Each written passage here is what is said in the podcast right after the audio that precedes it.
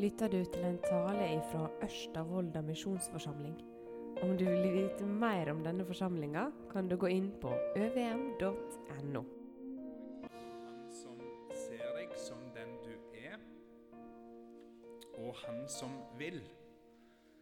Hvis du ikke har fått med deg dem, så kan du høre dem etterpå. Jeg får snakke om en som jeg er veldig glad i. Og Derfor så er jeg frimodig og sier de kan du høre igjen etterpå. De og andre talere fra forsamlinga her de ligger på nettsida vår og på podkasten vår. Men jeg har snakket om han som ser deg som den du er, og han som vil. Men denne søndagen skal jeg altså tale om han som er der. Nå er det egentlig domsøndag, eh, men dette var noe som jeg hadde lyst til å dele, som jeg har tenkt på ganske lenge. Eh, jeg kommer ikke til å ta fram søndagens tekst, men jeg håper at det som jeg trekker fram i dag, kan gjøre at du leter fram bl.a. søndagens tekst på ny, åpner Bibelen din og leser på en ny eller fornya måte. At du får pussa blikket ditt. Det er ei bønn for meg. Og så I dag så har jeg, eh, har jeg prøvd å sitte spesielt for meg tre typer tilhørere. I dag så taler jeg til deg som tror på Jesus, eh, og som har gjort det hele livet og som kjenner på at kristenlivet det er gått inn i en litt sånn vant tralt. Og så taler jeg til deg som har eh, kalt deg kristen hele livet, men som kanskje ikke er så sikker på om du er det lenger. Kanskje tenker du Jeg vet ikke om jeg tror på dette lenger. Men det blir så mye styr hvis jeg skal si at jeg ikke tror på det. Så da bare reker jeg med. Og så taler jeg til deg som aldri har trodd på dette. Du som på et vis har avvist budskapet om Jesus. Men kanskje er du her fordi det er noen trivelige folk som du er glad i i denne forsamlinga, og derfor er du med. Alle dere tre. I dag så har jeg noe å si til deg, og jeg tror det er fra Gud. Jeg tror at Gud vil si oss noe i dag. Vi ber sammen.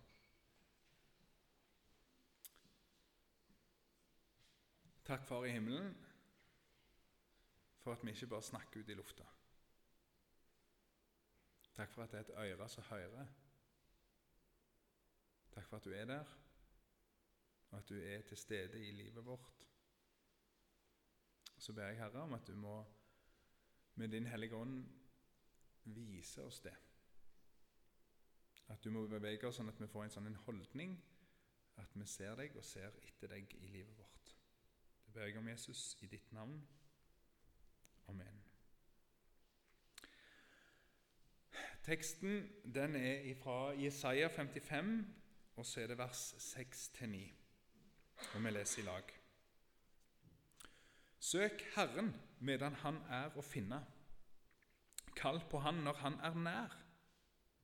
Den urettferdige skal vende seg bort fra sin vei, ugjerningsmannen fra sine tanker og vende om til Herren, som vil vise miskunn til vår Gud, for Han er rik på tilgjeving. For mine tanker er ikke dykka tanker, og dykka veger er ikke mine veger, sier Herren. Som himmelen er høgt over jorda, slik er mine veger høgt over dykka veger, og mine tanker høgt over dykka tanker. Slik lyder Herrens ord. Vi skal komme tilbake til denne teksten, her, men jeg har lyst til å gi oss en inngang som vi skal ha i dag.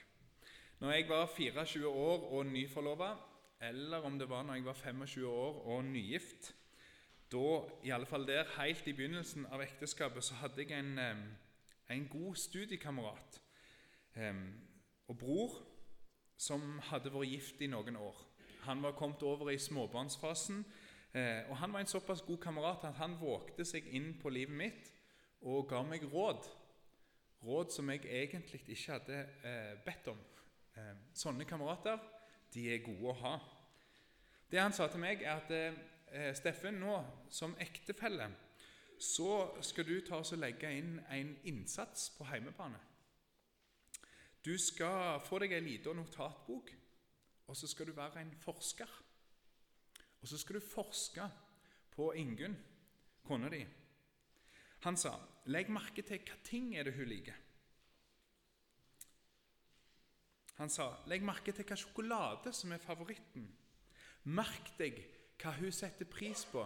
Se etter hva tjenester hun blir glad for.' 'Se om det er noen ting som hun ikke liker.' Og merk deg disse her. Og fortsett å gjøre det gjennom hele ekteskapet. Ha det blikket. Det vil være en verdifull investering i ekteskapet ditt, sa han. Og så var ikke jeg klar over på det tidspunktet hvor viktig det rådet der kom til å bli for meg. Hvor mye det har betydd for relasjonen for meg og Ingunn at jeg har hatt et sånn et blikk på hun, og at hun har hatt et sånn et blikk på meg. Selv om jeg ofte feiler i å følge opp og snakke med Ingunn om det å lukke skapdører, så, så, skjønner dere at det er ikke alt jeg eh, klarer liksom å få, få inn. Eh, men, men, det blikket der, det har gjort at jeg legger merke til Ingunn. At jeg ser at hun er der.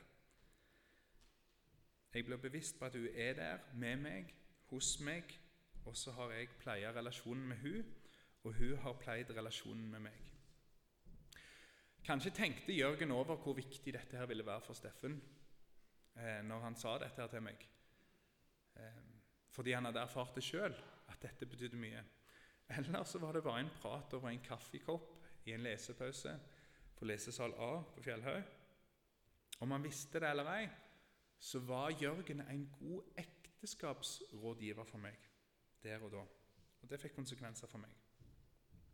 Og som pastor så er dette litt av min oppgave. Å være ekteskapsrådgiver. Og nå, etter å ha vært gift i elleve år, så kan jeg kanskje si et og annet inn i et ekteskap mellom mann og kone. Men det er ikke først og fremst det ekteskapet som er min oppgave å gi råd inn i det er det ekteskapet som alle som kjenner Jesus, har kommet inn i. For i Bibelen så lærer vi det at eh, du som har hørt om Jesus, du som har forstått noe av hvem Jesus er, og som har begynt å stole på han, du har kommet inn i en relasjon til han som er som et ekteskap. Du har blitt hans ektefelle. Han har ropt ut til deg 'Jeg elsker deg'.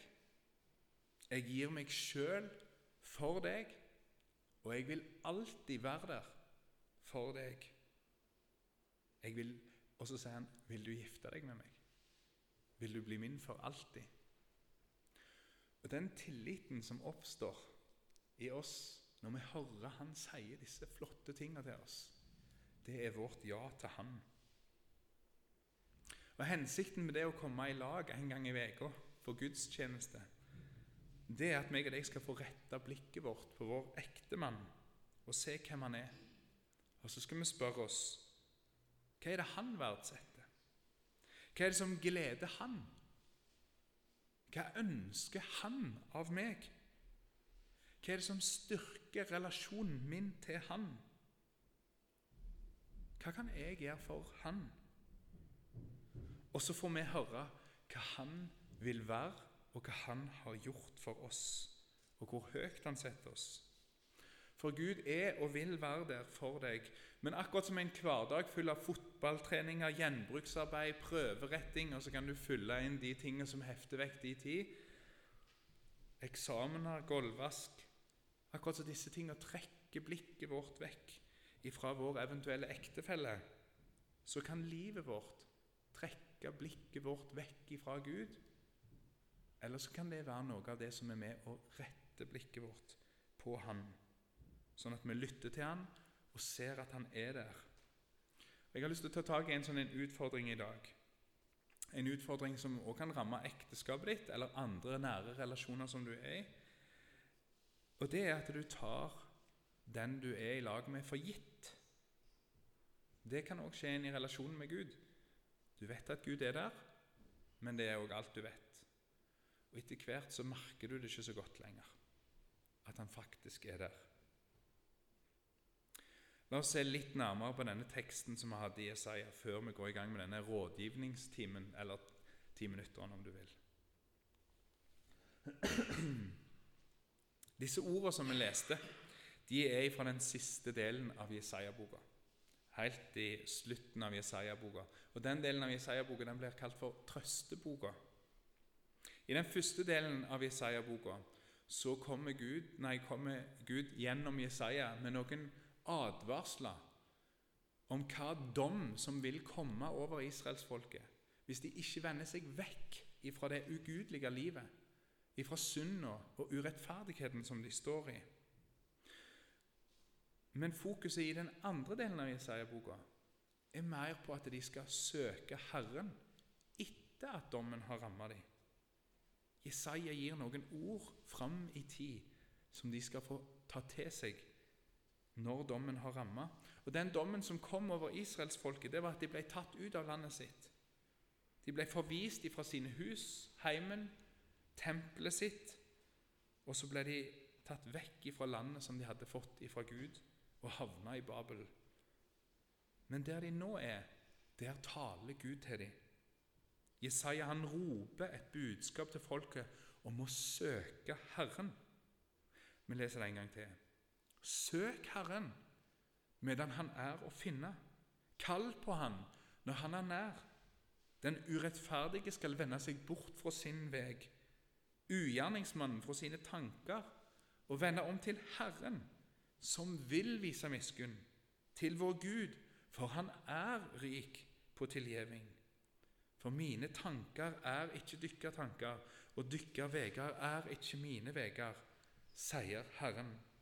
Som himmelen er høyt over jorda, slik er mine veier høyt over dykkar veier, og mine tanker over dykkar tanker. Det må være spesielt for israelsfolket å lese dette budskapet her, der de sitter i Babel. Når de nå sitter langt vekke fra landet sitt, ifra tempelet sitt, for det som var kjent. For israelsfolket bor nå i en kultur der alle i den kulturen sa det at guder de var knytta til bestemte områder. Guden som var i Babel, var guden i Babel. Israels gud, ja, han var gud i Israel, i området der, i Jerusalem med omegn. Så hvis de lytta til det som folket rundt de sa, så var ikke Gud der. Gud, han var i Israel, han. De var i Babel. Men så her kommer Jesaja inn og så sier han, det er ikke sant. Det er ikke sånn Gud er. Gud han er nær, òg nå når dere er i Babylon. Og så sier han, søk Han. På en måte så vil jeg si at det rådet som Jørgen ga meg der i begynnelsen av ekteskapet, det var at jeg skulle søke Han. Isaiah sitt råd er å søke Herren. Vi sitter ikke i eksil i dag, vi er ikke i Babel. Vi er ikke forvist fra et land på en sånn en brutal måte. Men på samme måte som et ekteskap eller en venne- eller familierelasjon kan gli inn i en vant tralt, så kan livet vårt med Gud gjøre det. På samme måte som en ektefelle kan leve livet med ektefellen sin såpass lenge at han eller hun oppdager at jeg elsker jo ikke den jeg er gift med lenger. Følelsene bobler ikke i meg når jeg ser han eller hun. Eller på samme måte som en mann kan se på ei dame, eller ei dame kan se på en mann når de treffer hverandre, og ganske enkelt avklare Nei, han der Nei, han er ikke noe for meg. Eller hun. Hun passer ikke for meg. Så avviser vi. På samme måte kan du som ikke kjenner Jesus, ha avvist han før du i det hele tatt har blitt kjent med han. Han er der, Gud finnes, og han vil at du skal søke han. Om du sitter i eksil, eller om du er her i dag. Men vet du hvordan du søker Gud? På en måte så ser det likt ut for alle de tre gruppene som jeg nevnte. Du som kjeder deg litt som kristen. Du som feiker at du er en kristen, eller du som aldri har vært kristen. Og Samtidig så er det ikke helt likt.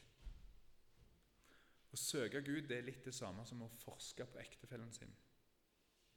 Der du retter blikket ditt mot han, og så prøver du å finne ut hvem er han? Ikke bare 'Hvem kan han være for meg?' Men hvem er han?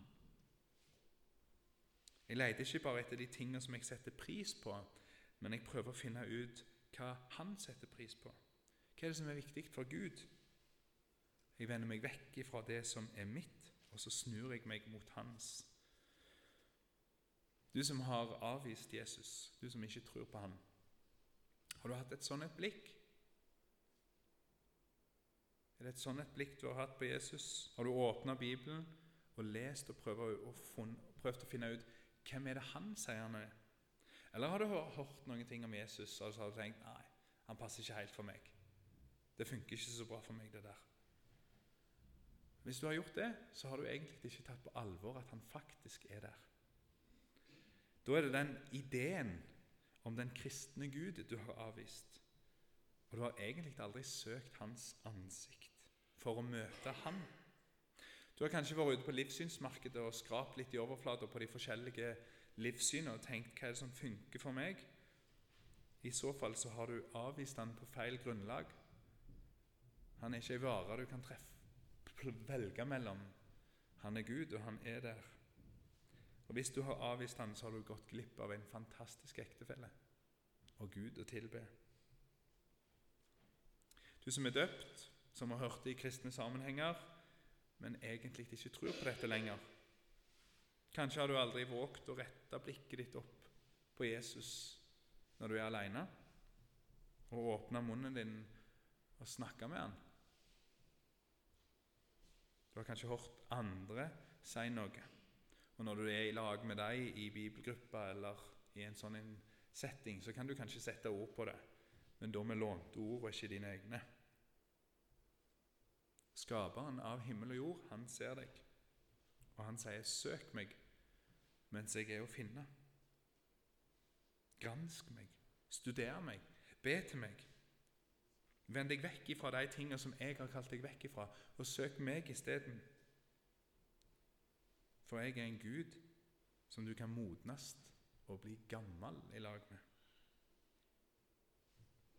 Og Når du har kommet deg vekk fra han, sånn som israelsfolket var i Babylon, så vil han ha deg tilbake igjen.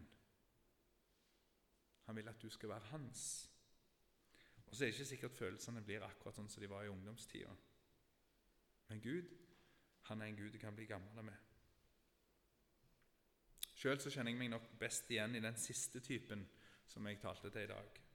At jeg glir inn i en vant tralt, og så glir livet vårt bare videre. At hverdagen fanger meg, og plutselig så sitter jeg der og Det er jo bare logistikk, dette. Det er jo bare å få ting til å gå rundt. Og I ekteskapet så kan det føre til at jeg går på sida av Ingunn. Ikke sammen med henne, men vi bare går på sida av hverandre. Og Det gjør at jeg mister forskerblikket mitt. Jeg glemmer å se på hun for den hun er. I ekteskapet så blir det til at vi bare går ved siden av. Og Sånn kan det òg bli i livet med Gud. Jeg leser i Bibelen, åpner og leser av plikt, ei god og sunn plikt, men jeg gransker ikke lenger. Jeg søker ikke lenger. Jeg leter etter noe som kan gi meg noe her og nå, som jeg trenger. Heller det enn å søke Gud for den han er. Og Kanskje har jeg da begynt å tenke men jeg vet jo hvem Gud er. Jeg vet hva det går i. Altså, Jeg har gjort gale ting. Jesus dør på korset for meg. Jeg blir tilgitt pga. noe som han har gjort. Og så skal jeg prøve å være snill og grei resten av livet mitt. Det er det å være en kristen. Jeg tipper du har tenkt noe sånt sjøl. Og så enkelt er budskapet at til og med de enkleste kan forstå det. Det er tilgjengelig for det minste barn. Men tenk at vi kan gli hen og bruke så enkle ord om Gud. Hans tanker som er mye høyere enn mine. Tenk at jeg kan få det ned på en formel hvem Gud er, og hva Han har gjort for meg. Og så tenker vi at vi har kontroll på det. Når vi gjør det, så møter Gud oss og sier han, du, du har ikke peiling. Du har ikke peiling. Du har bare skrapt i overflata. Mine tanker er høyere enn dine tanker, og mine veier er høyere enn dine veier. Relasjonen som du kan ha til meg, den begynner med at jeg frelser deg. Jeg gjør alt for deg.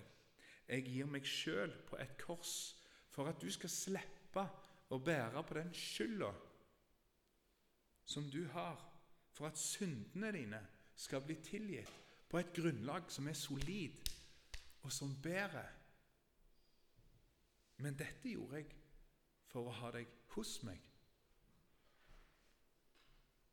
For at eh, du skulle få leve livet sammen med din skaper, ikke bare på sida av meg. Å bli frelst, berga, redda av Jesus det er noe av det viktigste et menneske kan oppleve. Det frir oss ifra en evig fortapelse vekke fra Gud, der du sjøl må ta ansvar for alle de vonde handlingene som du har påført andre mennesker. Men Gud kjøpte deg ikke fri bare for at du skulle unngå straffen, men for at du skulle få leve med Han. Sammen med Han, under Hans ansikt, der Han er. Han ga seg sjøl for deg for at dere skulle få være et ektepar herfra og inn i evigheten. Det er litt kunstig å være ekteskapsrådgiver i dette ekteskapet her. Ekteskapsrådgiver mellom skaperen av himmel og jord og deg, for han trenger ingen råd. Han vet hvordan han skal gjøre det. Men meg og deg, vi trenger ekteskapsrådgivere. Og Derfor så har han plassert oss her, på siden av hverandre, for at vi skal hjelpe hverandre i livet med Gud. Sånn at vi kan ha gode brødre og søstre som våger seg inn på livet vårt. Som gir oss råd som jeg ikke har bedt om. I dag trenger kanskje du det rådet. I morgen trenger kanskje jeg det. Så mitt råd til deg det er det samme som Jesaja sitt. Søk Gud mens han er å finne. Sett av tid i livet ditt til å stoppe opp og rette blikket ditt mot Han og spørre hvem er du, Gud? Om det er over en åpen bibel om morgenen eller på kvelden hjemme, eller om det er når du sitter i bilen på vei til eller fra jobb, der du får tid til å stoppe opp og reflektere over det som du har fått hørt om hvem han er, sånn at du får det forskerblikket på han og ser på han. Hva er det han, hva er det han verdsetter? Hvordan ser han ut? Hva handlinger er det jeg skal gjøre? Hva liker han at jeg gjør for han? Hva liker han at jeg gjør for hans barn? Og Det forskerblikket det må letes fram igjen, igjen og igjen og igjen. Fordi svaret på de spørsmålene der hvem er han? Hva vil han jeg skal gjøre? De kan endre seg i løpet av livet. Altså, Han er konstant. Han er lik hele livet. Men livet vårt endrer seg. Livssituasjonen din gjør det. Hvordan, hvordan søker jeg Han når jeg er gift? Hvordan lever jeg ut den viljen hans når jeg er i denne relasjonen? Hvordan ser det ut å være en kristen småbarnsfar? Hvordan søker Gud når samlivet gikk i grus? Hvordan ser det ut å tjene Han nå? Hvordan søker jeg Han når de rundt meg har forlatt meg? Hvordan søker jeg Han når jeg er sjuk?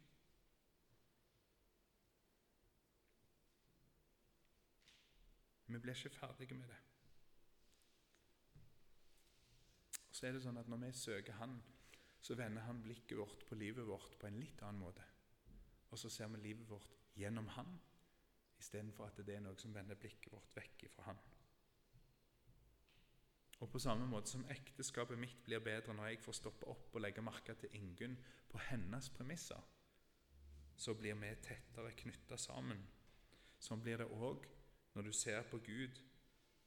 Da blir livet ditt med Han nærere og varmere når du ser på Han på hans premisser. Det er ikke det som gjør at du er frelst eller gift. Det er det han som tar seg av. Men han hadde tenkt noe mer enn å bare gjøre en tjeneste for deg. Han ville ha deg hos seg, og han ville være der for deg. Vi ber. Far i himmelen, jeg takker deg for at du er god, og at din miskunnhet varer til evig tid. Jeg ber om at du må åpne våre øyne sånn at vi søker deg, at vi ser etter deg, at vi gransker deg. Takk for at vi aldri blir ferdige med det, men at du er så mye dypere enn noen av oss kan være. Takk for at vi kan modnes og bli gamle i lag med deg. Takk for at du vil møte oss. Herre, lær oss både å forstå at dine tanker er høyere enn våre, samtidig som vi strever alt vi kan etter å forstå dine tanker. Det ber jeg om i ditt navn.